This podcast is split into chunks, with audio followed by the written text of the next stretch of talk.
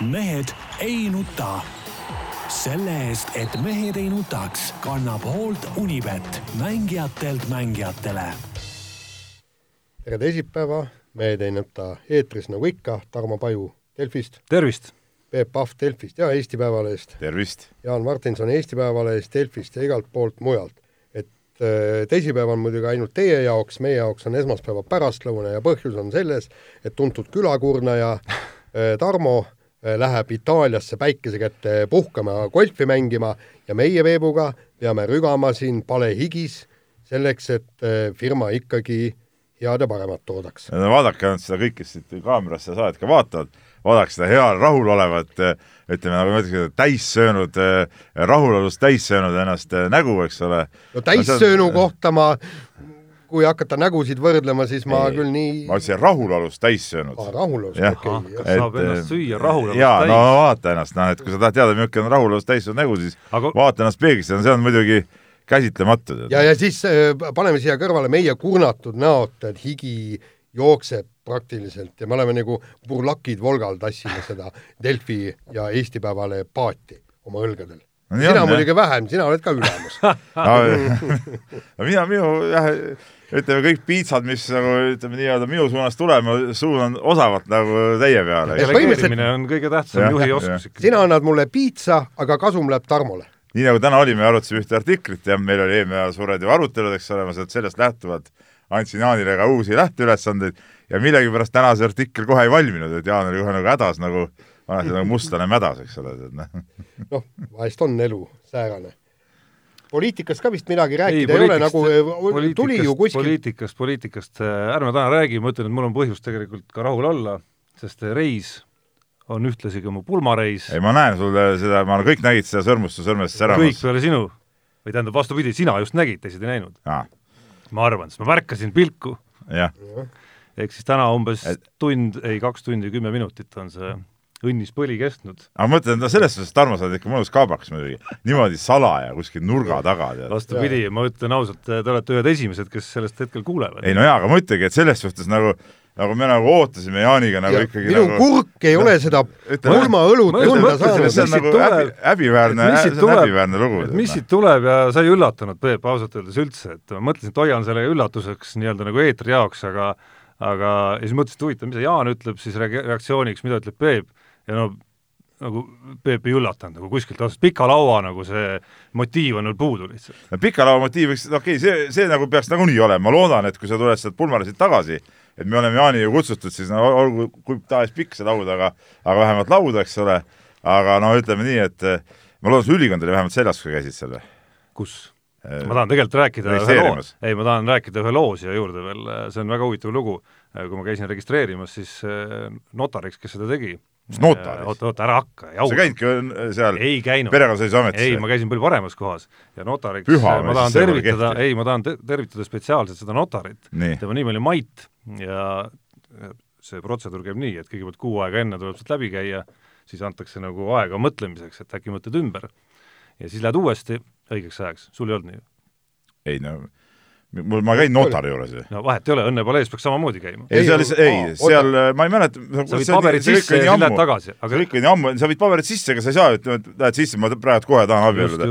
ikka paned ju kuupäeva paika, saadad kutsed laiali, valid tahan, riideid. ma tahan tervitada seda Maitu, kes, kes oli mees, kes meid paari pani, kes siis, kui tegu oli tehtud, tuli välja, on meie saate püsikuulaja okei okay,, jõu Mait, miks sa meile teada ei andnud? kuulab meid, Mait, sa oled kaassüüdlane. kuulab meid igal teisipäeval, nii et oota, aga, aga miks sa, oota, oota, oota, lähme nüüd siin, mulle tundub, et me täna spordist väga ei räägigi, lähme nüüd selle asjaga edasi. miks sa ei teinud seda äh, Pärnu maantee Õnnepalees, mis, mis kuradi notari juures sa käisid? Kas seal notaris mängitakse ka seda ei, sellepärast, selle, kõikide nende asjade pärast, Peep, mida Õnnepalees tehakse, ma ei teinudki seda Õnnepalees. miks lihtsalt. aga mis siis halba on siis? ei, midagi halba ei ole, aga pole päris meie sa läksidki niimoodi teksapükstes sinna ja asi korras või? ei, seal oli riideid ikka igasuguseid. okei okay., aga eh, kuidas siis sõrmused sõrme pandi? no ikka jah-sõnad ma... ja kõik asjad olid olemas. ema vähemalt käis kohal või? mis ema? sinu ema? ema juurde me alles jõuame, ema ei teagi veel. aa aga kuna saade tahaks teha linti, seepärast nii vabalt räägid no,. absoluutselt. ei no selles suhtes, ei no ma ütlen, et läheb, läheb ütleme, abielu sellise eest ma muidugi kiidan, see on nagu kiitus igal juhul, sa tead, sa tead minu ja Jaani seisukohta selles küsimuses, me oleme siin nagu utsitanud nagu, nagu pikka aega, see, see on nagu kiitus, eks ole, aga siin on ikkagi nagu, nagu meie potis on ikka suured tõrvatilgad, ikka suured tõrvatilgad. Ku... ütleme nii, et noh, ikkagi ma ei saa aru, tähendab, see ei ole nagu, on see üldse ametlik või? täiesti kusjuures selgus, ma küsisin üle nee. selle, vaata, kui sa poodi viid neid, ostad poest mingisuguse kauba mm, -hmm. siis on ju seadused, mis ütlevad, et äh, sul on mingi tagastusõigus mingisugune yeah.. aga sa võid ka naise, naise nagu, tagastada. aga naise tagasi anda ei oota, et sa saad nagu kauba, kauba... kuna me tunneme sinu, sinu nüüd siis seaduslikku prouat, siis me anname talle kohe teada, et kuule sa saad nagu kaubast lahti öelda, kui sa viid pakendist tagasi, et pakendis viid tagasi, vaata nagu poodi. aga selgus, Mait tutvustas meile, väga tore notar oli et äh, abielu puhul see kuu aega põhimõtteliselt ongi see aeg, et kui selle aja jooksul ümber ei mõtle, siis on tegu tehtud. aga tähendab, kas te saite abielutunnistuse ka või seal antakse lihtsalt Jaa, notariaalne leping? isegi tunnistus on olemas. aga kas tegite ka selle vara lahu-, äh, kuidas see on see, abieluvara lahususe lepingu ka või? ei ah,. Okay. kõik aga, on ühine. aga mis seal notari juures siis käia üldse mm.? siis ikkagi, pagan. kuule, mine metsa. kuule, jäta, jäta oma õnnepalee. ma otsin siit välja selle selle telefonist, pulmamarss on selle nimi ilmselt Te räägige, rääkige. oota, oota, Peep, ma räägin, ma, ma lihtsalt Tarmole tahan öelda, et viinapitse ei ole vaja, tead, noh, kui asja tähistama hakata, pole vaja eh, tuua, sest eh, meil noorreporter Madis käis Valgevenes, tõi meile pitsid, Peebuga, sa said enda oma kätte.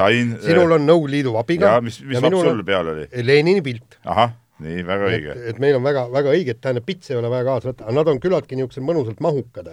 ahah, ahah. et, et tulete koos pitsiga ühesõnaga? no põhimõtteliselt küll, sa, sain ütle koht ja. no kui sa nagu, nagu noh, ise nagu välja ei tee, siis me peame ju ise tulema jookide ja nendega, tead noh. ja, ja kartulisalat. pagan küll, mis me ei leia seda, see on see vana mees, ei oska nagu otsida aga me siin saate käigus sai käima saanud, et noh. saate lõpus mängite? ei, ei, mitte siis, kui, kui tuleb, siis kohe murrab sisse lihtsalt kuule, aga, aga, aga räägime nüüd vahepeal spordist ka ja, ja kõige muu vahele. et äh, eile ma äh, imestasin seda Peepu, et et miks tema läheb vaatama Eesti jalgpallimeeskonna mängu ja ma ütlesin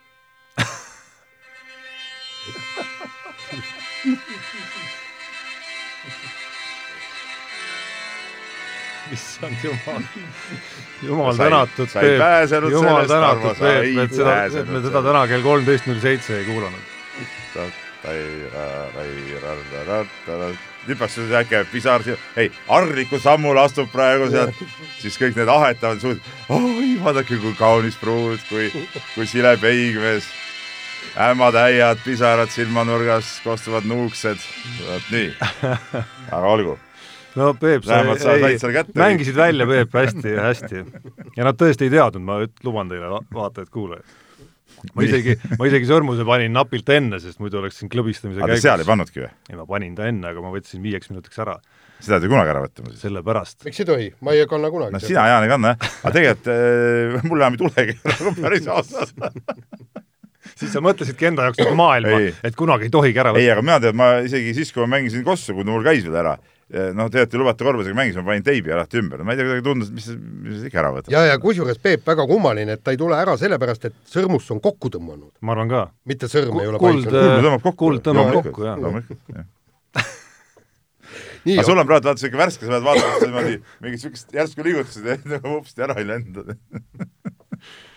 no nii, okei okay,, räägime Peebust nüüd. eile, eile kuulsin, et äh, läheb vaatama Eesti jalgpallikoondise mängu ja ma, ma, ma ikka ütlesin Peebule, et ta on ikka tõsine pervert küll, et ta peab ikkagi nina vastu lina koha pealt eh, vaatama, kuidas meie omi pekstakse. ma olin täiesti veendunud, et kui meil siin Raekoja platsil toimuksid hukkamised siis, siis, siis oleks ta ka esireas alati kohal, et, et näha, kuidas inimesi vardasse aetakse, rattale tõmmatakse. ta ongi nagu valel ajastul sündinud, ütleme tegelikult, noh, niisugune lödipüksid ja pehmad ajastul, et keskajal kuskil ma saan, ma saan vähemalt, ma saan vähemalt teleka, teleka juures ma saan vähemalt programmi vahetada, hakata Ameerika jalgpalli vaatama. sa vahetasid programmi tal? no põhimõtteliselt ei vahetanud. nii, järelikult sa oled samasugune nagu ei, mina. aga ta ei olnud nii nagu niisugune sala, sala, ütleme, timukas veel siis, aga ei, aga ei, kui tõsiselt rääkida, kuule, kui Saksamaa jalgpallikoondis tuleb siia, eks ole, okei okay,, siis ütleme, päris koondisest seal nagu midagi alles ei olnud enam no,, Neuer oli väravas seal, eks ole, ja, ja peatreener. aga, aga no ikka lähed ju vaatama, tahad ju vaadata neid, ma tunnistan ausalt, ma vaatan, et Eesti jalgpallides hullu ma ei käinud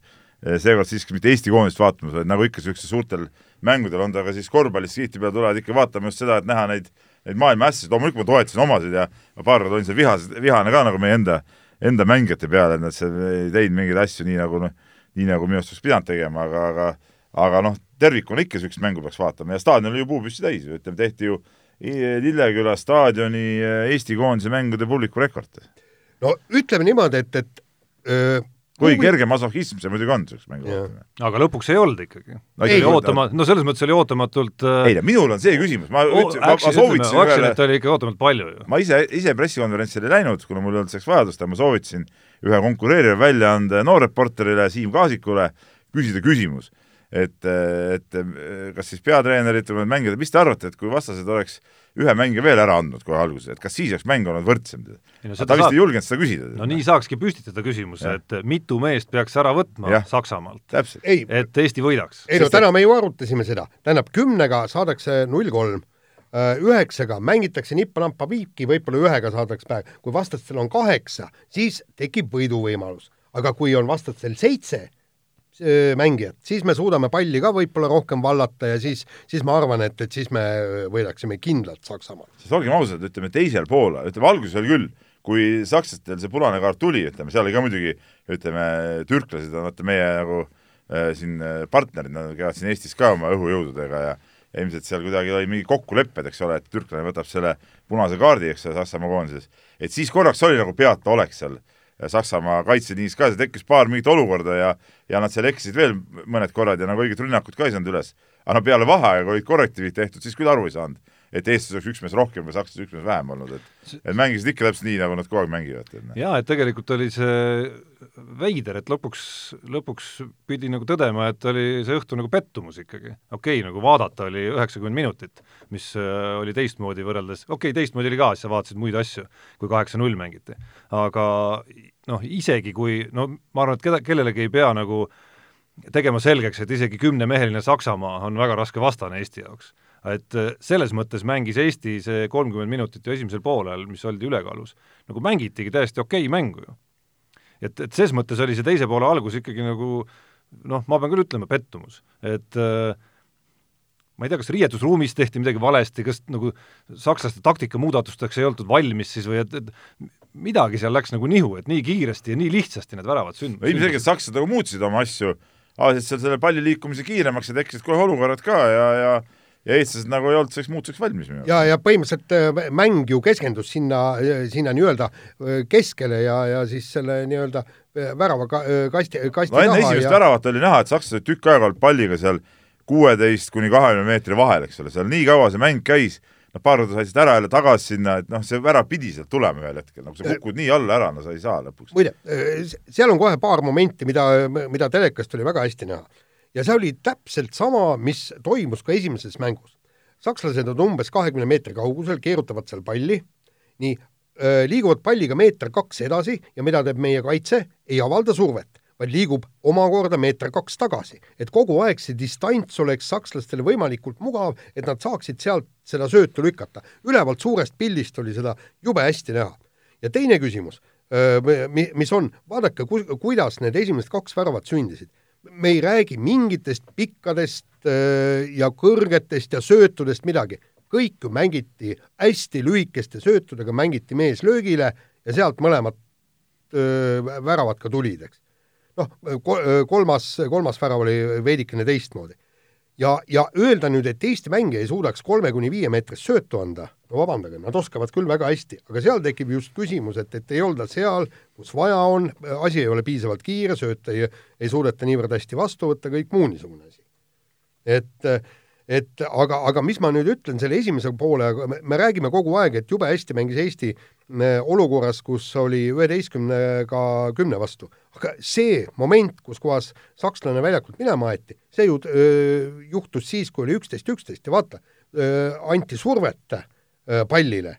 Ja sealt tuligi kohe see nii-öelda apsakas vale sööt või, või see pall, pall jõudis meie meheni, eks, ja Liivakuni ja, ja, ja sealt võetigi see maha. tegelikult see oli Eesti üks parimaid momente no,. avanemas oli üks-üks olukord värav. jaa, täpselt, eks. ja, ja näete kohe, mis juhtus siis, kui me survet avaldame ja, ja, ja siis teine poolaeg, meid on rohkem ja, ja siis mingit surve avaldamist ei olnud et jah, sellest on nagu kahju ja teine, millest on kahju, on ikkagi see noh, ikka ja jälle see selline, kuidas öelda, mingi nagu niisugune inglisekeelsem väljend finishing touch, on ju, selline nagu ikka mingi lõpuviimistlus kuskil, et isegi, isegi ju saadi mingeid võimalusi ka, küll karistuslöök, küll oli seal Karol Metsal võimalus, et et noh, mingi väike selline asi Oistel oli kaks suurepärast võimalust. no see karistuslöök muidugi, eh, mis seal saadi, kui see punase kaardi olukord oli, see ikka kõrbeti ära nagu tead, et see et lähti, mindi sinna kavaldama, aga ütleme, see kogu see asi kukkus välja. no seda ütles ju seda ütles ju Gerd Kamps ise ja. ka pärast, et oleks ikka Kostjale pidanud andma. ja, ja juba sümboolses mõttes minu arust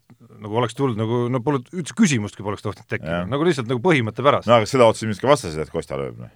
et selles suhtes oli noh, võib-olla see trikitamine oli nagu selles suhtes nagu õigustatud, aga, aga noh, see löök oli ikkagi nagu läbipõlemine ilmselgelt. ja, ja, ja kusjuures selle mängul meil oli ju tegelikult ütleme neli-viis tõesti väga head momenti, kust head mängijad oleks noh, vähemalt kaks-kolm tükki kindlalt ära löönud. oot, oot, ära nüüd. ei, miks, miks ei oleks? miks ei oleks? Kuule, Kostal oli ju seal ju ühe momendi juures oli kaks pealelööki, mis sa arvad, et, et hea mängija oleks sealt ära löönud või? no ma ei tea, ütleme, ma mõtlen, oleks ühe kättegi saanud kuidagimoodi nendest. see oleks huvitav olnud näha, mismoodi see mängukäik nagu sellisel juhul oleks hakanud, mis, mis stsenaarium siis oleks rulluma hakanud. Tarmo, kommentaatorid ju ütlesid, minu meelest olid need kommentaatorid või, või kes see sealt ütles, et sealt, kus ta Kostja nii, nii-öelda selle teise löögi tegi, sealt on raskem lüüa väravast mööda kui väravasse. Ja, ja, ja võtame veel need teise poole ka mõned momendid ära, eks. ja siin ma tahan öelda et äh, ärge siinkohal küll süüdistage peatreenerit ega mitte kedagi. ükstapuha, kes oleks meie koondise äh, eesotsas olnud treeneritest, me oleksime kõik need äh, löövid ja, ja kõik maailma paremid kümme treenerit sinna kuhjanud. kui meie mehed ei suuda palle väravasse saada, siis nad ei saada. siin ei ole treeneril mitte midagi teha ja täpselt seda ju rääkis omal ajal ka Martin Reim meie intervjuus. Noh, nüüd on huvitav hetk ees, okei okay,, üks mäng on veel, aga aga varsti peab peatreeneri osas ju hakkama siis arutlema, et mis, mis siis nagu mehel näppude vahele jäi ja, ja mis ta siis teha suutis ja mida ei suutnud. et äh, väga huvitava dilemma ees minu arust jalgpallijuhid saavad olema, et otseselt nagu midagi untsu pole keeranud, aga noh, samas nüüd okei okay,, punkti sai ka kätte, aga samas nüüd mingit hurraad ka pole ette näidata. no aga mis hurraad me sealt ootasime, ega sealt ei olnudki ju vaadates, mis mängud neil olid alles jäänud, no seal mingid hirmsad hurraad nagu ei olnudki oodata. no Valgevene. no Valgevene küll, aga no see Valgevene olnud ka niisugune, et nüüd nüüd hurraa, et lähme ja, ja, ja võidame igal juhul, noh nii need päris ei ole. no ilmselgelt tundub selline üldine meelsus, ma lugesin hommikul äh, üsna hoolikalt läbi kõikide ajalehtede eilse mängu järgsed kommentaarid, kõik, mis vähegi olid, puudutasid arva, enda arvamuse avaldamist. ja, ja väga palju on ikka juba sellist äh, valdavat tunnet jalgpalliajakirjaniku hulgast, tunnen mina ja, ja loen, kus äh, väga selgelt nagu keskendutaksegi millelegi, mis hakkab üldse tulevikus aset leidma, et väga palju keskendutakse sellele, et tuleks juba uus põlvkond peale, tuleks need U seitseteist poisid juba, kes esialgu küll on kuueteist-seitsmeteistaastased alles ja nii edasi, nii edasi, no okei okay,, natuke ka kahekümneaastased loetakse üles, keda tahaks nüüd näha ja keda on tulnud tegelikult rohkem, aga, aga nii suur uue põlvkonna ootus on praegu jalgpallikoondises. no aga peabki olema, sellepärast et see vana põlvkond noh, ilmselgelt enam ei vea välja. aga seal, ega meil seal koondises mingit hirmsasti neid vanu põlvkonda ka ei ole, no meil on ikka niisugused, niisugune läbi, just läbilõige on praegune koondist, et erinevatest põlvkondadest. no jaa, aga see vana põlvkond, kes tegelikult peaks nagu seda mängu tegema ja kelle kõrvalt nagu see, see noor põlvkond peaks kogemusi omandama, no see vanem põlvkond ei tee veel seda mängu. jaa, asi ongi selles, no see tase ongi selline, noh. see tase ongi selline ja, ja, ja nii ongi, aga sellega tuleb lihtsalt arvestada, midagi parata pole. nii palju peab vist ütlema, et noh, nüüd on tulnud noori rohkem sisse sinna, et minu arust on mingil määral on seda pilti elavdanud ikkagi, noh kas või seesama, kas või seesama punase kaardi väljateenimise olukord, et eh, seesama, mida me esimesel poolel nägime, et kas või seal oli mingit nagu nooruslikkust ja võitluslikkust ei no seal, seal oli muidugi vastase kaitse poos eksimusest. jaa, aga see tuli ikkagi seda, sellest eksimusest ei oleks mingit lugu olnud, kui Frank Liivak ei oleks seal jaol olnud kohe. Ja teine, teine asi minu meelest Jalgpalliliit peaks, need, kes otsustavad uue peatreeneri saatuse, kas, kas jätkab Karel Voolaid või, või keegi tuleb uus asemele, peaks nüüd mõtlema, et, et kui me toome selle või teise või millise treeneri, kas ta suudaks mehed paremini mängima panna? või, või siis, või siis no ma, ma ei tea, tõesti, ootame selle uue põlvkonda ära ja las praegusega läheb nagu läheb, nii. ja need pikale meil asjad. mängime reklaami, saate ajaloos vist äh, ei mäletagi, kas on, kui Unibet välja arvata Continental Ice Contact kolm naastrehvid on tõeline talvine revolutsioon neile, kes otsivad parimat Eesti talvisesse kliimasse loodud Saksa kõrgtehnoloogia, mida võib usaldada. Continental rehvid on saadaval kõigis Pointes müügipunktides üle Eesti ja www.rehvid24.ee veebilehel. Nonii, mul rehv ongi vaja. Tarmo, ei, ei, ei kuidas sa lasid sellise reklaami meie saatesse? sina, kes sa oled ju naastrehvide põhimõtteline vastane, tead noh. sina, suur roheline, rohelise mõtteviisi esindaja ja lamelltrehvide mingisugune ma pean küll ütlema, Peep, ma pean küll ütlema, et minu eelistus äh, lamellide osas äh, ei päri, või selle taust ei ole küll kuidagi mingis rohelises mõtteviisis, et ei ole sellest, et lõhub teid, eh, asfaldi okei okay,, lõhub ka ja see on mingi argument, aga minu arust on nad mugavamad lihtsalt. mugavamad? jah. jää peal sõites? no eriti, kui sa sõidad suhteliselt palju linnas ja linna lähistel, siis ma ei ole tundnud kõikide nende aastate jooksul tegelikult naeltest puudust. kuule, huvitav, mida sa linna lähiseks pead? ma ei tea, ma seda ka linna lähistan nii nagu sinagi ja, ja naelad on ikkagi äh, ütleme nii-öelda musta jää ajal on naelad ikkagi jumala asendavad. ei, ma tean seda jah no., aga noh, siis sõidad natuke rahulikumalt, kui on jää ja kogu lugu. nojah. aga no lähme siis nüüd kiire vahemänguga edasi, aitab sellest rehvi jutust küll uh,. Houston Rocketsi peamänedžer uh,, see on siis NBA sats, nagu ma aru saan uh,, Daryl Morey, üks uh, säuts läks NBA-le maksma miljardeid ja jutt käib ikka sellest, et ta ütles, et, et Hongkongis aetakse asju täiesti okeilt ja õigesti, et, et nemad võivadki nii-öelda selle edu soovis põhimõtteliselt? soovis edu, et, et pange aga ja noh, teatavasti Hiina ei ole muidugi eriti rahul sellega, mis Hongkongis toimub ja kõik ja, ja läks meeletu möll lahti, visati juus, Houstoni kaubad igalt poolt välja, ülekanded, teleülekandeid ei ole, seal igasugused tõesti noh, ütleme niimoodi, et tõesti hiinlased enam ei armasta NBA-d selle ühe säutsu, säutsu pärast. no olge, olgem ausad, no see, see ei ole ka no, eriti loomulik. mis no,, mis osa sellest? no selles osas, et see on minu asi, mida mina arvan. ei no nii on, absoluutselt. meil on rõõm elada sellises maailmas, kus võime arvata mida tahes, meie saadet ka muidu ei eksisteeriks ilmselt, kui kui, kui me elaksime Hiinas ilmselgelt noh, seal jah, et minu arvamused oleksid seal nagu kõik õiged, aga teie ütleme, asjad ei, ei läheks peale. aga see lugu on ikka uskumatult lugu on nagu laiem kui see üks jaa, asi. uskumatult äge lugu tegelikult, loed ja, ja imestad ja hoiad peast kinni ja ja midagi ei ole teha, tuleb esimest korda elus tunnistada, et olen nõus ka Donald Trumpiga ühes asjas vähemalt. ma mõtlesin, kui sa seda ise välja tood, siis ma tuletan sulle meelde, ei, ei, ma täitsa, täitsa ei ole siin üldse midagi. tuleb, tuleb öelda, et see, sel korral, sel korral olen temaga nõus, ehk siis mis puudutab nüüd seda osa, eks, et suurtes, suures nii-öelda miljardite kaotuse hirmus ju lukustati ära siis kõikide NBA mängijate ja treenerite ja kes, kes, kes iganes tüüpide suud, ehk siis vist viimased mängud seal Aasia turneel või Hiina turneel vist peeti üldse nii, et ajakirjanikud ei saanudki enam küsida pärast mängu mitte midagi. Lihtsalt, et vältida mingeid niisuguseid olukordi, sest nagunii nad küsivad ja vastata meestel pole ju midagi lubatud. ja, ja, ja see, kuhu see viis siis, viis siis selleni, et äh, sellised legendaarsed treenerid nagu Greg Popovitš ja Steve Kerr, kes on äh, ülikõvad, äh, ütleme siis nagu ühiskondlikel teemadel rääkijad ja väga kõvad Donald Trumpi kriitikud ka muuseas siis Hiina teemal olid suud vett täis, kuni umbes sellise kommentaarini, et äh, ma pean umbes lugema, et mis seal täpselt oli ikkagi. no umbes selline, et ma olin puu otsas, kui pauk käis Kevade filmis, on ju, mis peale Trump loomulikult ei jätnud nõelamata ja noh, õige ka, noh. ei no ma ütlen, et see Popovitši ja, ja Kerri selline oli väga, see oli minu jaoks nagu väga suur pettumus, ausalt, väga suur pettumus, et et sellistel meestel, kellest ma olen nagu väga-väga lugu pidanud kogu aeg, ei olnud nagu ütleme, seda selgroogu ikkagi ja, ja no üleüldse noh, kogu see, kogu see asi on, et no mida kuradit, no mis siis mingi Hiina hakkab nüüd siis määrama, ütleme, kuidas keegi midagi ütleb ja ja, ja lähevad nüüd oma oma äriasjadega nii hulluks, et, et ei saagi inimesed enam äh, arvamust avaldada. ei, aga, ei, aga Peep, ega nemad ei pea ju NBA kaupu sisse ostma. ei, no, ei pea, ei pea, aga noh aga need äh, NBA juhid ei saa ka niisugused äh, pasakotid olla ja, ja, ja ja, ja, ja kogu aeg, äh, et nüüd, nüüd panevad lihtsalt inimeste suu kinni, see ei ole õige, noh. no neli miljardit. no neli miljardit, neli miljardit, noh. aga mis teha siis, noh? et see ei ole nagu õige värk või? ei, ütle, kas, kas Eesti võtab Tiibeti delegatsioone vastu? no ei võta, selge see, aga, aga et isegi USA ja selline business nagu NBA noh, ka koogutab tegelikult, no selge see, et noh, nende jaoks on see äri ainult, ma mõtlen klubi omanikud ja liiga ja, ja, ja kogu see seltskond, on ju. aga nagu näed, noh, üks asi on väike Eesti, aga teine asi on isegi suures USA-s väga suured, väga suured organisatsioonid, näed, ikka koogutavad.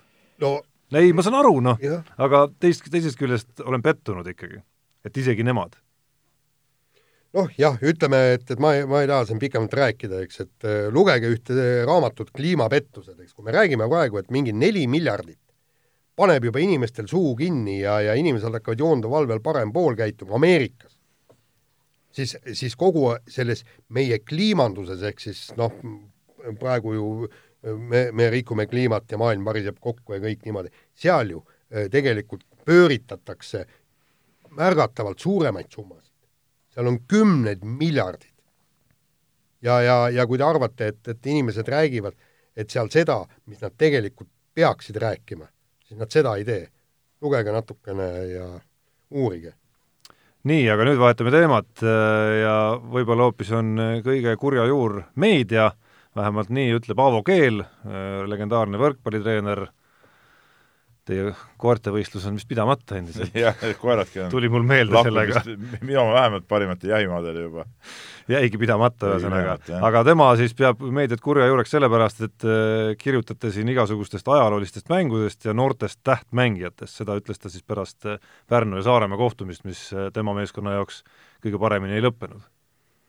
eks tihti ongi nii, paljuski on Aaval muidugi õigus, noh, et et tihtipeale push itakse mingeid asju ja, ja üritatakse nooremat põlvkonda äh, nagu liialt üle, noh seda me saame siin ka muudel, saame korvpallis välja tuua, kuidas neid korvpalli noori mängijaid on, on ikkagi nagu üle push itud ja üle ekspluateeritud, et eks sama, sama käib ju ka võrkpallis. No jaa, ja teine asi on vanadest mängudest me peame ikkagi rääkima kui, kui mingit võrdlusmomenti, eks, et noh, me räägime ju siiamaani, eks, et Eesti korvpall on Euroopa kuues, on ju, eks. Ja me peame selle ju alati tooma nii-öelda latiks, me oleme olnud suuteline tulema kuuendaks. järelikult see, et, et me oleme praegu kahekümne, ma ei tea, mitmendad, et see ei ole meie tase, meie tase on olnud kuues. ja samamoodi on ka need ei no ta, ta ütles vanadest vanadest mängudest räägime. samamoodi, räägime vanadest mängudest. no nii on.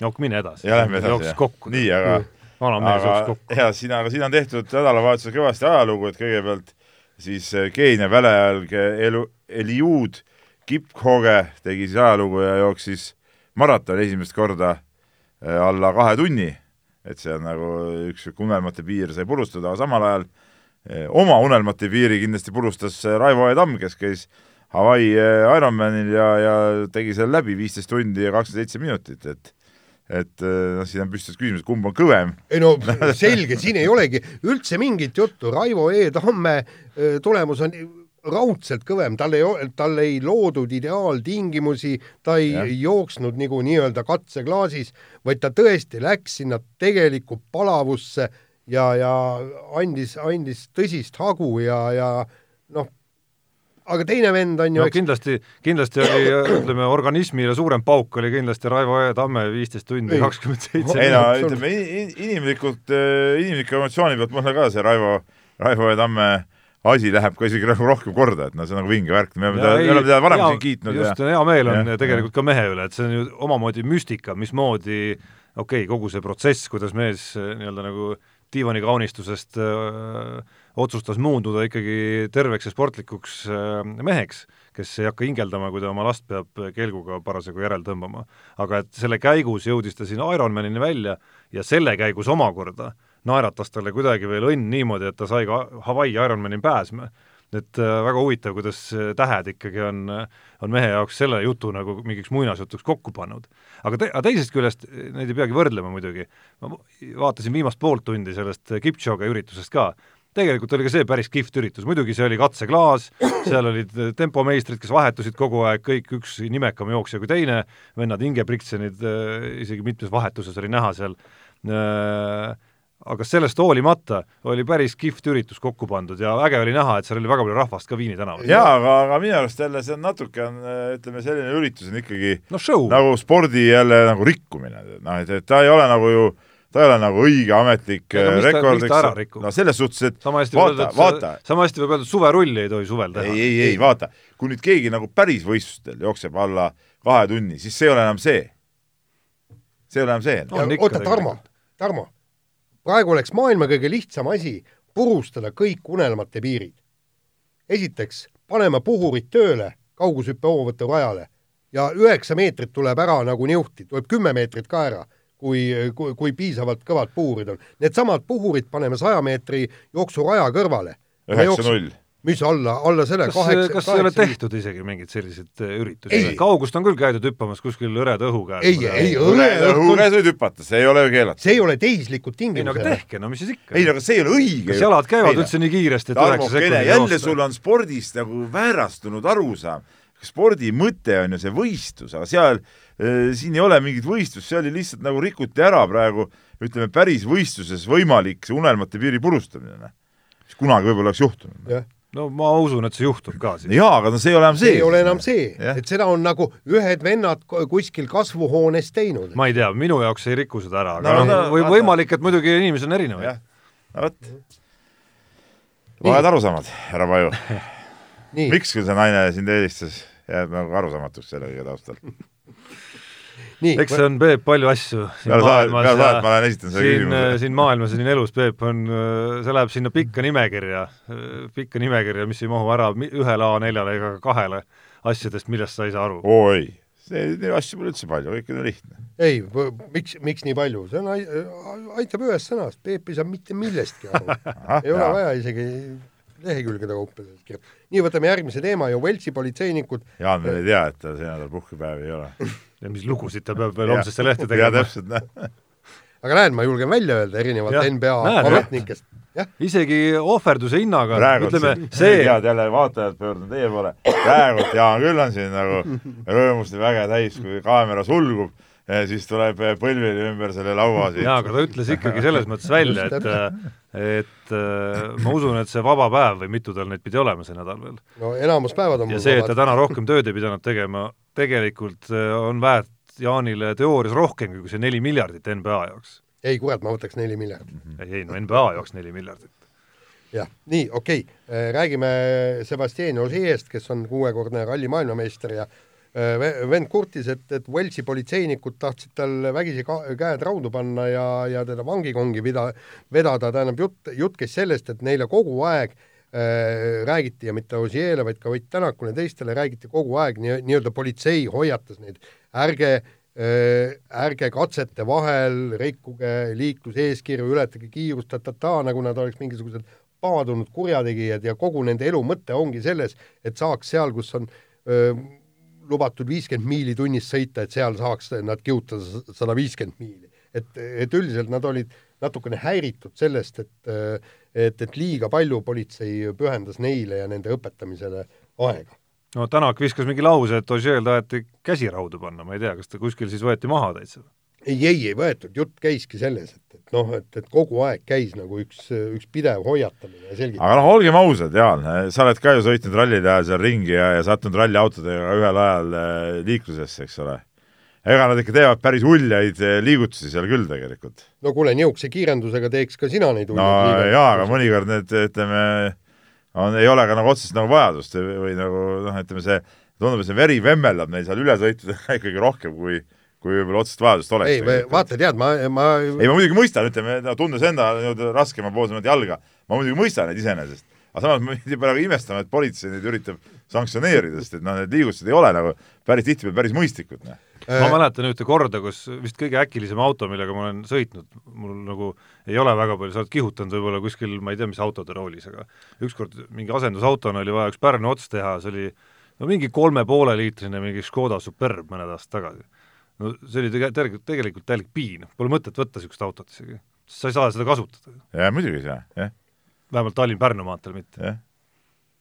no samamoodi. Nendel sama, nendel noh, veel keerulisem. aga nemad saavad ju kiiruskastide peale ennast välja nagu elada, aga noh, tihtipeale nad ikka ei, ei, aga see on noh, äh, nii-öelda punkt üks geenides sees ja, ja äh, siiski ma arvan, et, et et, et palju ka sõltub autost, mul õnnestus äh, kaassõitjana olla Maserati mehe äh, kõrval ja, ja seal olid küll need kiirendused nagu läks jälle sealt, sealt mööda, no ma vaatan, et kuhu ta nüüd läheb, aga, aga see kiirendus oli nii võimas, auto oli siis noh, nagu ta rääkis, küsin palju välja võtab, ütles, et on proovinud kakssada nelikümmend äh, sai, äh, võttis välja ja sealt maalt veel kiirendas, aga ta ütles, et sealt edasi ta nagu ei julgenud väga minna, et ta ei tea, kui palju ja, ja noh, sul on niisugune auto, siis järelikult tuleb teha.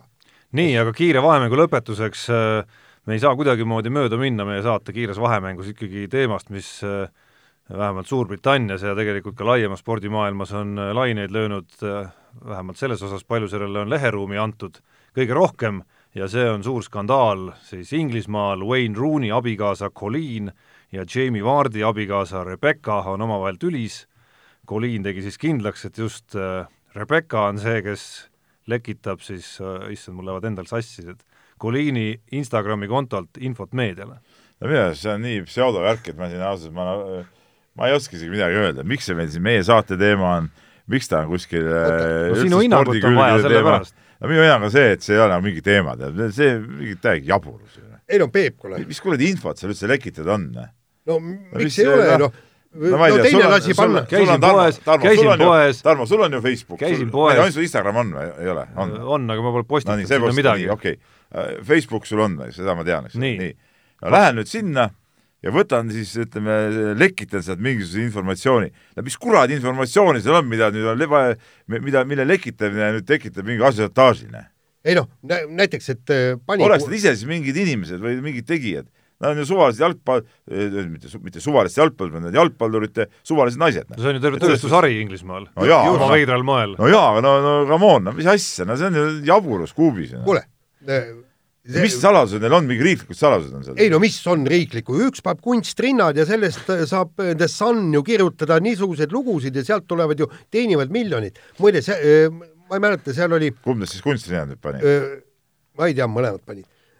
et seal oli, ma, ma ei mäleta, kas kunagi ammu, ma küll telekat ei vaata, aga, aga mingid aastad aga ma telekast nägin seda. ei, ei, ei, aastaid, aastaid tagasi ka, ei, nüüd ei mäleta, oli see raamatus, eh, telekas oli seal. panite tähele, vaata, Jaan Ennist rääkis, kuidas ta vaatas televiisorist jalgpalli, nüüd siis ei, ei, sporti ma vaatan.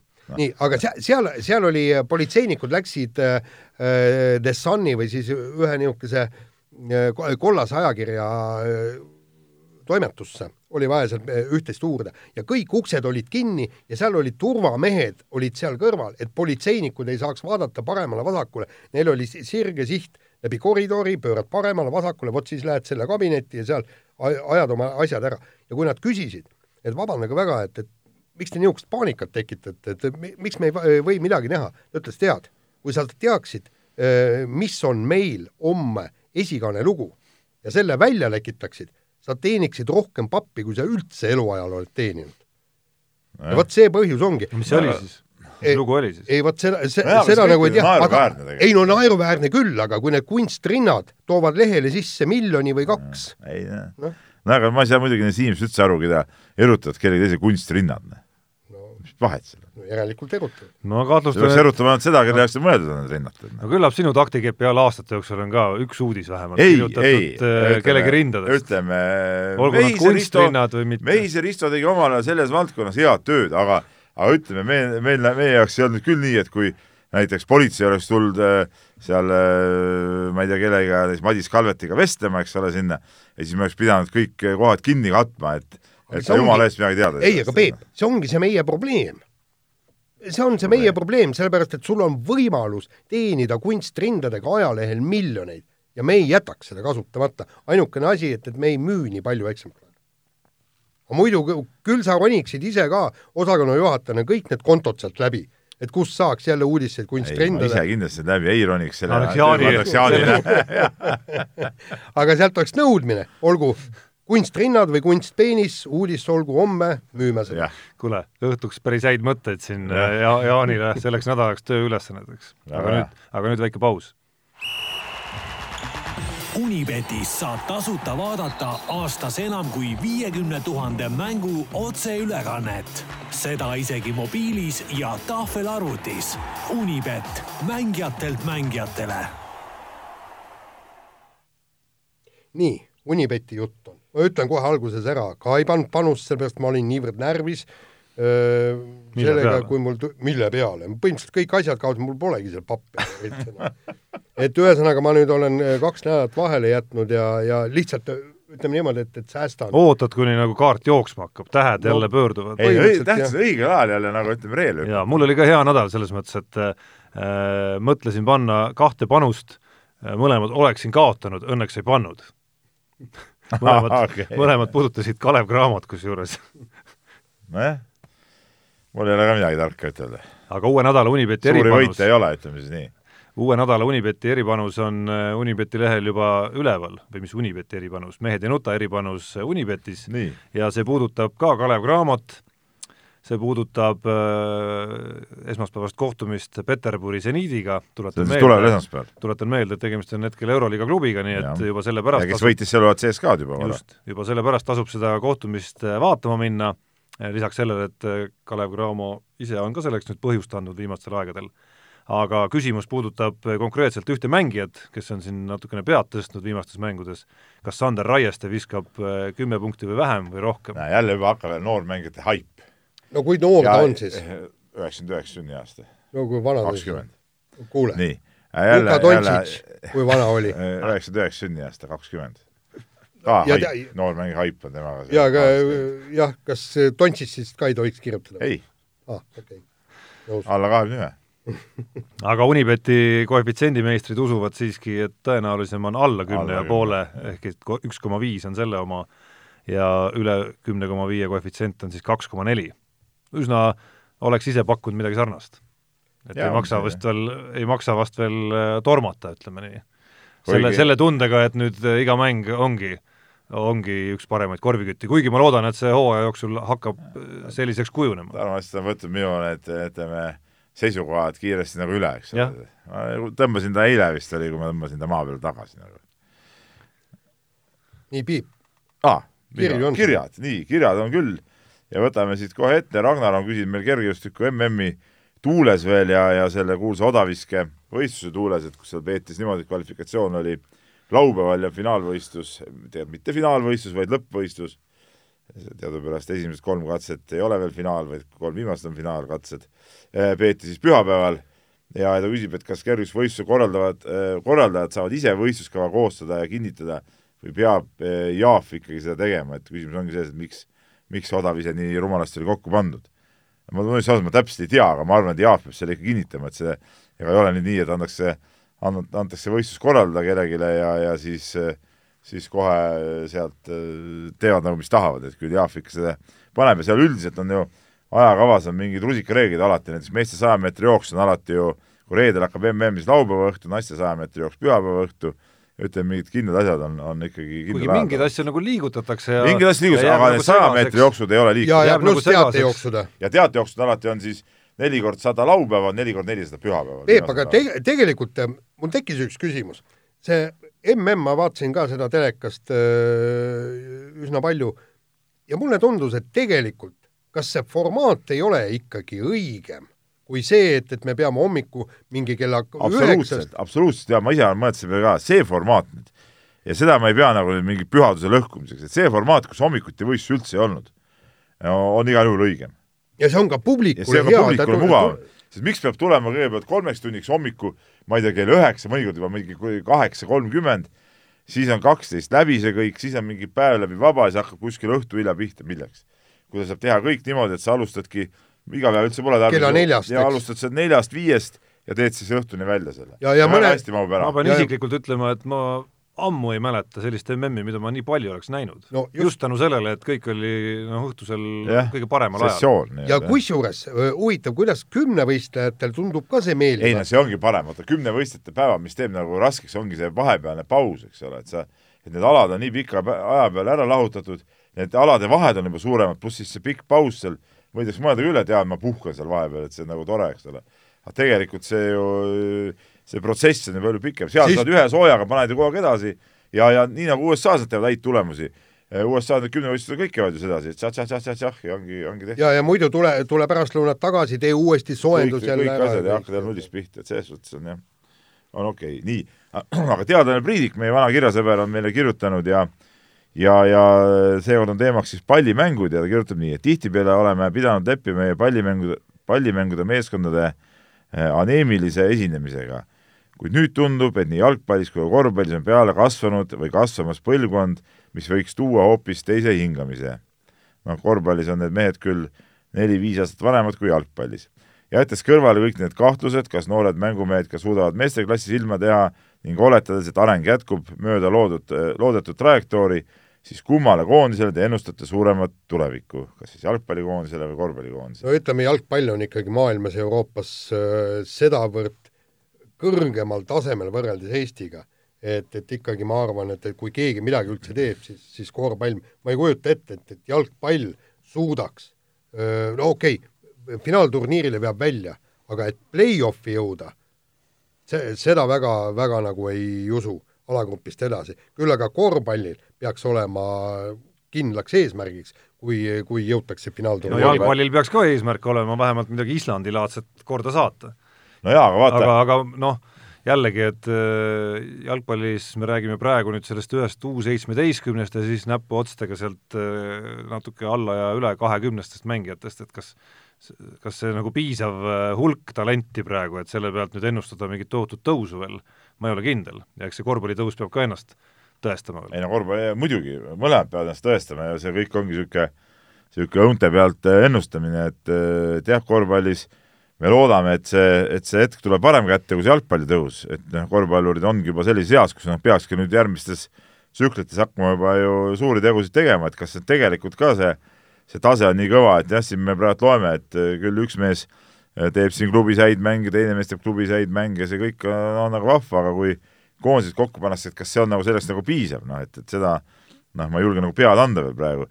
mis see jalgpalli puudutab, siis jah, see U seitseteist koondis noh, tundub, et tõesti on väga perspektiivikas, aga no kuniks need nagu päris mängumeesteks kasvavad, seal läheb tõesti neli-viis-kuus aastat veel aega, et, et et noh, vähemalt mingi lootus on olemas, noh. aga, aga pigem jah, ma arvan, et korvpallurite läbilöögivõimalus võib olla ikkagi suurem kui, kui jalgpalluritel. just selle, just selle ikkagi ala tiheduse, kuigi ma ei saa öelda, et korvpall oleks nagu hõre, et korvpall on läinud viimaste aastatega väga tihedaks tegelikult, ühtlaseks tähendab. jaa, no proportsioonid lihtsalt on erinevad, et hulk riike, no sellist riiki, kus jalgpalli ei mängita, sa ei leia tegelikult noh, peaaegu, et ei leiagi, kus jalgpall ei oleks oluline ala, ütleme nii. korvpalli puhul ikkagi selliseid riike leiab ka. ja teine asi on see, et, et märksa lihtsam on viis-kuus head mängijat kokku saada kui üksteist, kaksteist.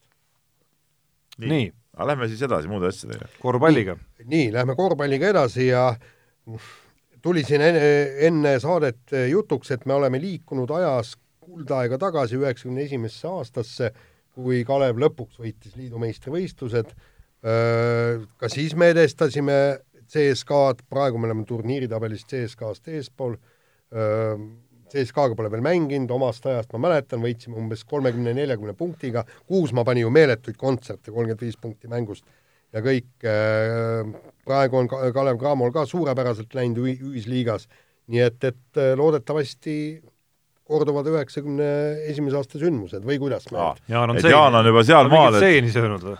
Jaan on, Jaan on sealmaal oma arutelus, et me, et Kalev äh, jõuab siis VTV-s see aasta kõrgemale kui CSKA, ehk siis järelikult võidab ära selle sarja või? no praegu ta juhib ju, CSKA ees. no seda küll, jah. no aga väga hea.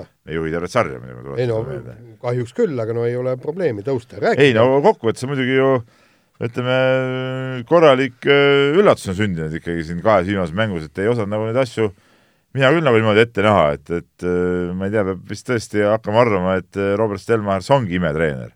et ta suudab ikkagi kivist vett välja pigistada seda ta praegult nii, äh, nii selle, nii Novgorodi ja, ja, ja ja Unixi vastu on, on teinud, et et midagi pole ütelda, suurepärased sooritused, väga piiratud ressurssidega. jaa, no ei näinud minagi seda ette, et see vihje, mis ma siin Unibeti rubriigis tegin, Äh, puudutaski neid panemata panuseid, kus ma mõtlesin, et ega Kalevil nagunii mingit võimalust ju ei ole nendes mängudes.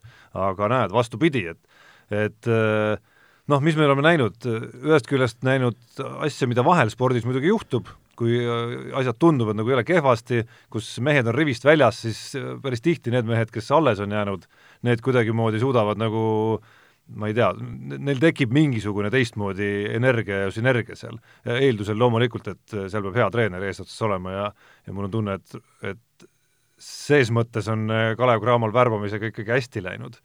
et äh, teadupärast kaadrid otsustavad kõik, aga vahel me selle treeneri rolli seal võib-olla unustame ära, et loeme ainult seal keskmängijaid, tagamängijaid ja ääremängijaid ja siis selle pealt äh, hakkame siis nagu mõtlema, mis see potentsiaal olema saab.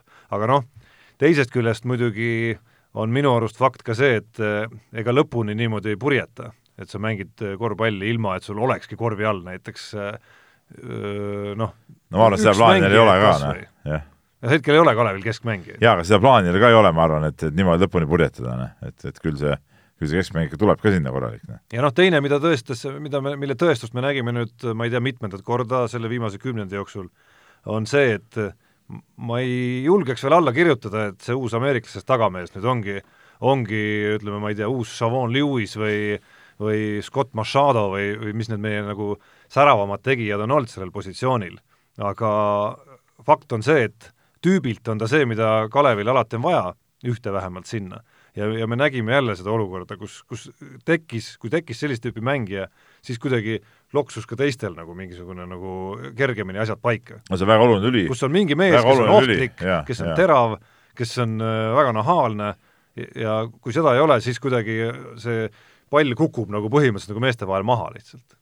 see on väga oluline lüli nagu meeskonnas ja, ja ütleme, kogu see, kogu see mängu just rünnakusüsteemi nagu käivitamisel ja, ja, ja toimimisel, et see on selge, et niisugust meest on hädasti vaja ja, ja nende meeste olulisusest on iga aasta tead ju räägitud ka. et loomulikult see muudab nagu väga palju, noh no nüüd järgmine mäng on meil Leningradi Spartakiga, keda me üheksakümmend üks finaalis võitsime. põhimõtteliselt küll, jah, jah. et selles suhtes on õige, et no siin nagu alla võidu ei saa nagu juttugi olla, eks ole. absoluutselt mitte. Nad küll varjavad ennast teise nime taha, aga noh, see neid ei päästa, me teame nende tegelikku olemust aga meie vahetame teemat äh,, räägime natukene Magnus Kirdist ka, vahepealne nädal tõi siis teate, et äh, Magnus Kirt käis magnetuuringul, et arstid äh, kuidas öelda, ütlesid, et uudised olid rõõmsad, vigastuse tõsidus, õlavigastuse tõsidus oli väiksem, kui esialgu kardeti ja et tsiteerides nüüd neid samu meedikuid, Tokyo olümpiaks peaks see õlg korda saama. Olgem ausad, see kõik on äh, esialgu veel väga väheütlev, kas ta, kas ta on äh, nagu tippkonkurentsis ka selleks ajaks või mitte, aga, aga ilmselt ongi seda võimatu öelda praegu. no seda ongi praegu võimatu öelda ja, ja ja kõik see ongi nii, et peaks ja oleks ja võiks ja ja, ja, ja kusjuures, kusjuures mis on, et Tokyo olümpiaks tegelikult oleks vaja juba ju, olümpia on ju augustikuus, tegelikult noh, Magnus Kirt ise ütles, et juunis peaks ta olema nii, et ma saan korralikult oda visata aga ikkagi arstid ei suuda iialgi öelda, milline saab olema psühholoogiline pool. no ja teiseks, ei, teiseks, teiseks ei ole ju otsust jah. reaalselt, kas ta üldse peab lõikusele minema või ei pea, seda ju veel ei ole. nojah, et seda nagu avalikkusele pole siin välja öeldud jah, et, et ilmselt otsused võib-olla on tegelikult juba tehtud, aga aga avalikkuse ette pole tulnud, aga aga jah, et ütleme, see kõik, mis, mis sel teemal nagu rääkida, on tegelikult üks paras, paras umbluu ja soola puhumine, et selles suhtes ma väga pikalt sellel sellel teemal tead ei peatukski üldse. aga soola puhumist saab ka järgmisel teemal? jaa, soola puhumist saab järgmisel teemal ka ja Kristjan Port, äh, tubli dopingu spetsialist ja kütt Eestis äh, on andnud Õhtulehele siis intervjuu, esikütt ütleks niimoodi isegi, jah. ja, ja ütles ta seal siis nii, et kõik märgid näitavad, et dopingu juurdlusest tuleb rohkem ebameeldivat infot, kui praegu rääkida saame.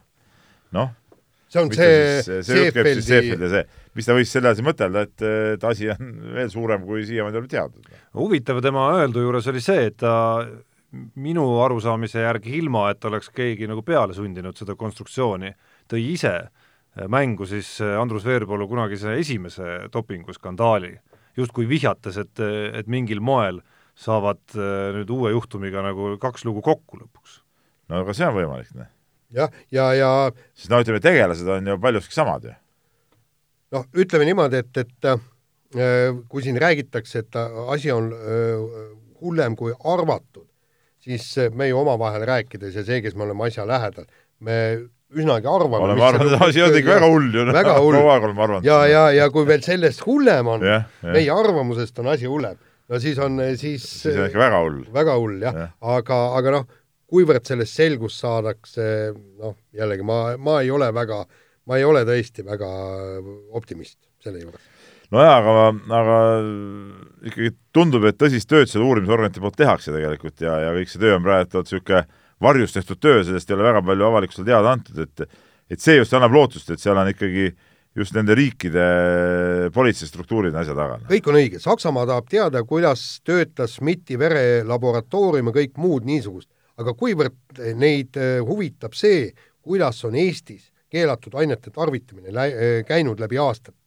ja, ja vot, vot, siin ongi, me, me sa-, me võime saada seose äh, selle SMIT-i laboratooriumiga ja seal võib-olla tuleb tõesti viie või kümne või viieteistkümne aastased tagused asjad välja sealt Saksamaalt. aga, aga see, ma arvan, on ka veel jää, jäämäe veepealne tipp. jah, seda küll, jah.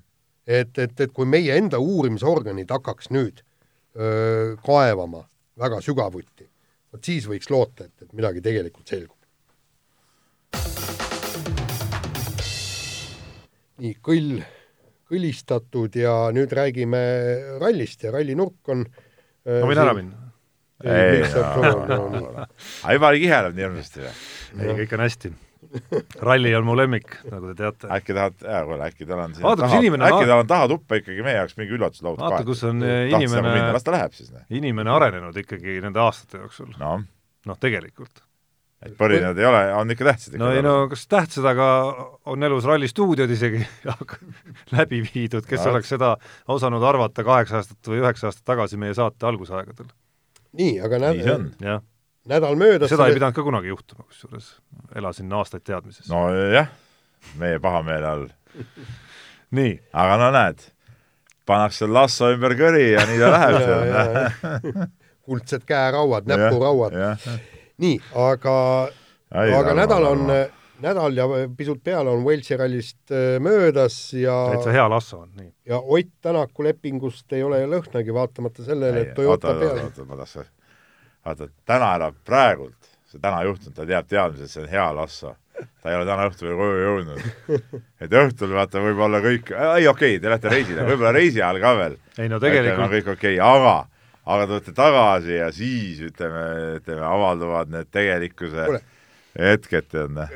Need, kes on Benny Hilli show'd vaadanud, siis need sketše, kui alguses on kõik, silitatakse siit ja sealt ja siis, kui, kui rõngas on sõrmes, siis hakkab kohe piits plaksuma, neid sketše on nähtud küll ja, ja veel ja need kahjuks tulevad elust. ja need on nagu, nagu elust enesest, Tarmo. huvitav, Jaan räägib ka täpselt nagu Vaja parasjagu, et nüüd, kui Vaja räägib niisugust juttu, siis kui Vaja, siis vahepeal räägib ikka, milline lill on tema, tema ei, kodune elu. ei no see on minu, see on minu, sest mina tean. et meil Jaaniga on õnnestunud nagu asju sättida nii, aga noh, vot sa oled veel niisugune noor ja kogenematu, et no sul võib-olla nii hästi ei tea, kas sul ma, need... ma pakun, et ma olen siiski vanem hetkel, kui te kumbki olite, kui te abiellusite. ei, aga me olime targad juba ja, siis. vaata, vaata, me oleme nagu jah, ütleme arenenud. Te olete nagu oma vanusest ees, akselerandid. ja peale selle, eks meil tuli ka omad need, ütleme, vitsad nagu läbi elada, tead noh. jah, Tarmo, umbes kümme aastat läheb aega, enne kui kõik nurgad on maha lihvitud ja, ja jääb see ümmargune pallike jääb järgi. just, täpselt. ja vot, vot siis oled nagu tõesti või sees elad. ma näen nagu see Aa, sellepärast see toimubki niisugune nagu ümardumine, mis on mõlema puhul teil toimunud no, füüsiliselt märgatav. täpselt nii. aga ma näen ikka värsket hirmuhigi Nur praegu nurgad, nurgad lähevad maha, jah. nii, nii nädal möödas, Ott Tänaku lepingut ei kuskil, ma aitan ise otsa peale. taaskord, ja taaskord nii, ma võtan ette nüüd suuname teraviku nagu Jaan Martinsoni peale, jälle Jaan lubas välja oma artiklis, kohe tuleb. ei, mina ei lubanud midagi. ei, lubasid, ütlesid, ei, ei, no Tommi ma-, sa isegi helistasid mulle. Tommi Mäkine, Tommi. sa isegi, aga miks Tommi mulle küll ei, magasin eelmisel rallil mulle küll ei öelnud. no aga sulle ei öelnud, aga vaata peeglisse. nii, ja, ja kohe helistasid, oo nüüd kohe tuleb ja nii täna meil oli sporditoimetuse koosolek, ei no kohe peame olema ikka valmis ja nüüd ilmselt ei tule veel mingi aga muide, muide, pange tähele, et, et täna on esmaspäeva lõuna, et, et homme, kui te kõik saadet kuulate, ei, pruugi midagi kindel olla. äkki on leping alla kirjutatud. aga, aga põhimõtteliselt ikkagi probleemid on ja, ja nagu Timo Jouhki, äh, supermänedžer, äh, kirjutas siin Soome meedias, et kauplemine käib ja ja eks äh, on selge, et, et, et mõlemad osapooled tahavad saada võimalikult paremaid neile vastavaid tingimusi ja ja sellepärast allkirja all ei ole, et, et ootame, aga no üsnagi, üsnagi selge, et, et äh, Toyota on, tundub, et ainus, kellega ikkagi Tänak lepingu sõlmib. jaa, küll see leping ka tuleb, eks ole, et siin ei ole nagu no, selles suhtes ei ole mõtet väga nagu, nagu mingit paanikat nagu tekitada. aga Johki ütles päris peenelt muidugi, a la pole küll minu asi, aga aga sellist, kuidas öelda, peenhäälestust ei ole ühtedel, nagu ühelgi läbirääkimisel tema veel kõrvalt näinud. nojah, no midagi ei ole teha, ükskord peab alati olema esimene. no ma arvan, et see on Ott Tänaku puhul leping, mille kallal tasub peenhäälestada küll. tundub no, küll, jah. ilmselt ikkagi tema karjääri suurim leping. no see määrab kogu tema edasise elu, elu tingimused, ütleme niimoodi. ja tema laste ka võib-olla. jah, tema laste ka, jah, täpselt.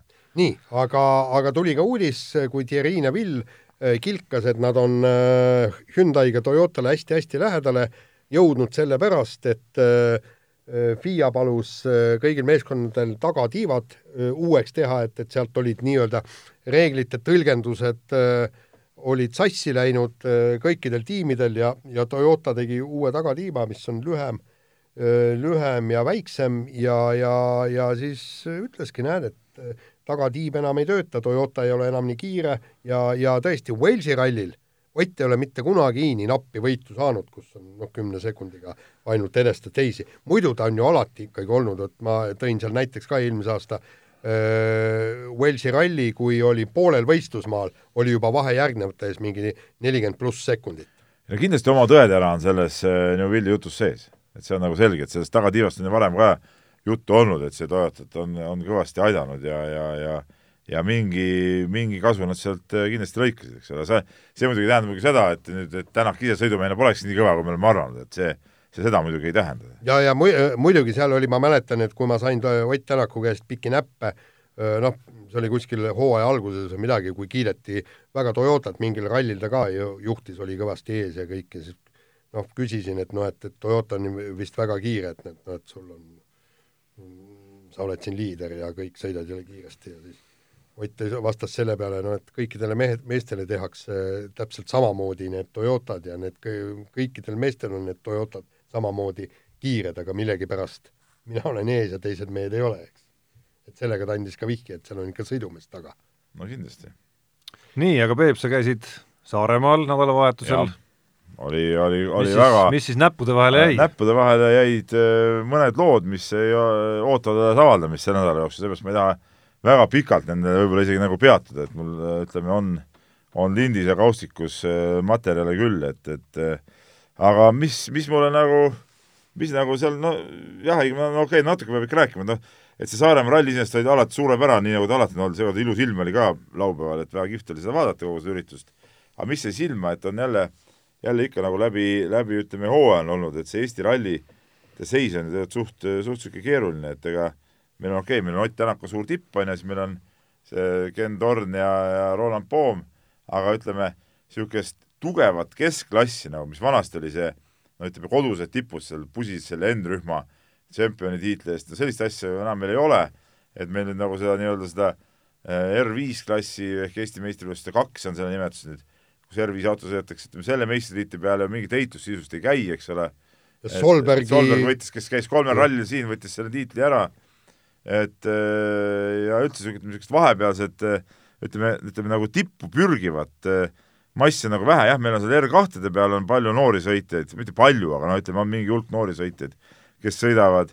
Ja rahvuslikes klassides on ja lahe oli see, et veoautosid oli hästi palju, aga ütleme ikkagi jah, seda niisugust vana vana niisugust äh, kodust tippklassi äh, meil nagu ei ole praegu. Ja see on nagu minu arust üks, üks suur miinus, et et need R5-i eestlased ei jõua osta, need N-rühma autod on oma aja ära elanud, nende peal ei sõideta või need on kuskil rahvus, rahvuslikku klassi kukkunud. Ja, ja see on nagu suur probleem, tead noh no jaa, ja probleem ongi see, et, et R5 auto on nii meeletult kallis, kakssada, nagu- kakssada tuhat nagu ikkagi maksab jah ja. ja., kuigi ja. nad räägivad, et järelturg, et saad ikka oluliselt odavamalt ta-ta-ta no kindlasti saab, aga noh, see no. ei ole ikkagi nagu taskukohane, tead, ja, ja, ja noh, jah, nii on kuule, aga ma vaatasin ühte seda videoklippi ja, ja kui sõitsid need Kass viiekümne ühed, Kass viiekümne kolmed sõidavad ka, nagu ma nägin mõned. no on mõned, jah. jah, nii ja, ja see on jumalast lahe asi. see on ja väga ma, lahe asi. ja, ja ma vaatasin ka soomlaste, täna oli soomlaste see ralliportaalis oli ka lugu just nende kasside sellest. just, ja, ja, ja tead, ma mõtlesin, publikule silmailu pakkumiseks, miks ei võiks niisugune kümme või viis parimat minna Soome rallil sõita öö, kaasa, just need veoautod, sest soomlased pole, ma arvan, et niisugust asja näinud see, mis on Eestis tegelikult täiesti tavaks. see on nagu jah, aga see on, kus see klass oli vahepeal oli ikka välja suremas, täitsa uued noored vennad on hakanud nagu sõitma, nad ehitavad autosid nagu põlve otsas ja see on, see on nagu äge, äge värk, ma tegin eelmine aasta, mitte nüüd sel suvel, eelmise suve Rally Estonial ma tegin ka ühe väikse mingi, mingi videolooks, ma ei tea, kes mäletab seda, kus vend siis näitas kõik seda autot, mismoodi see ehitatud, seal on ju kõik ju ringi tehtud ja käigukastid on otse pandud ja, ja noh, et see, ei, see on, see on äge, neid oli palju jah, kahjuks ma see aasta, kuna, kuna Saaremaa rallil nii palju osalejaid, seal oli mingi sada, sada nelikümmend viis või midagi, niisugust autot oli siis ma tean, et veokit kunagi ei jõudnud ära oodata kuskil, et ma nagu, et seekord nagu sõitmas ei näinudki, aga, aga aga muidu see on nagu äge värk, jah. ja üldse Saaremaa ralli on äge ja ralli on üldse äge, nii et nii et tasub käia ja rahvast oli palju vaatamas.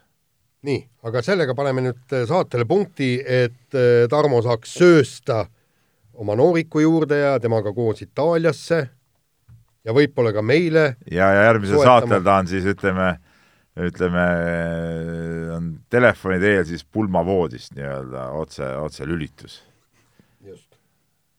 on see su, on see su eritellimus või? ei no on nii ju, ei ole, sa ei tule ju siia tagasi sellest, nagu ma aru sain. ei, tagasi ma ei ja. tule, ma mõtlen, kas ma pean just voodis sellel olema või no aga sealt on, seal on ju mugav. aga mis, aga mis sa sinna pulmareisil lähed siis? kuskil Toskaana päike seal peesitada. ei no mingit päikest seal praegu ei ole.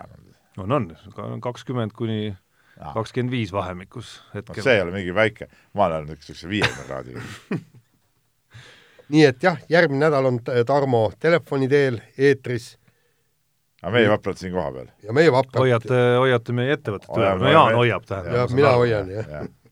minu kindel minu, minu teadmisel ja sinu taktikepi all. jaa, täpselt, nii on. nii, aga nautige Eesti sügist. mehed ei nuta saate tõi sinuni Unibet, mängijatelt mängijatele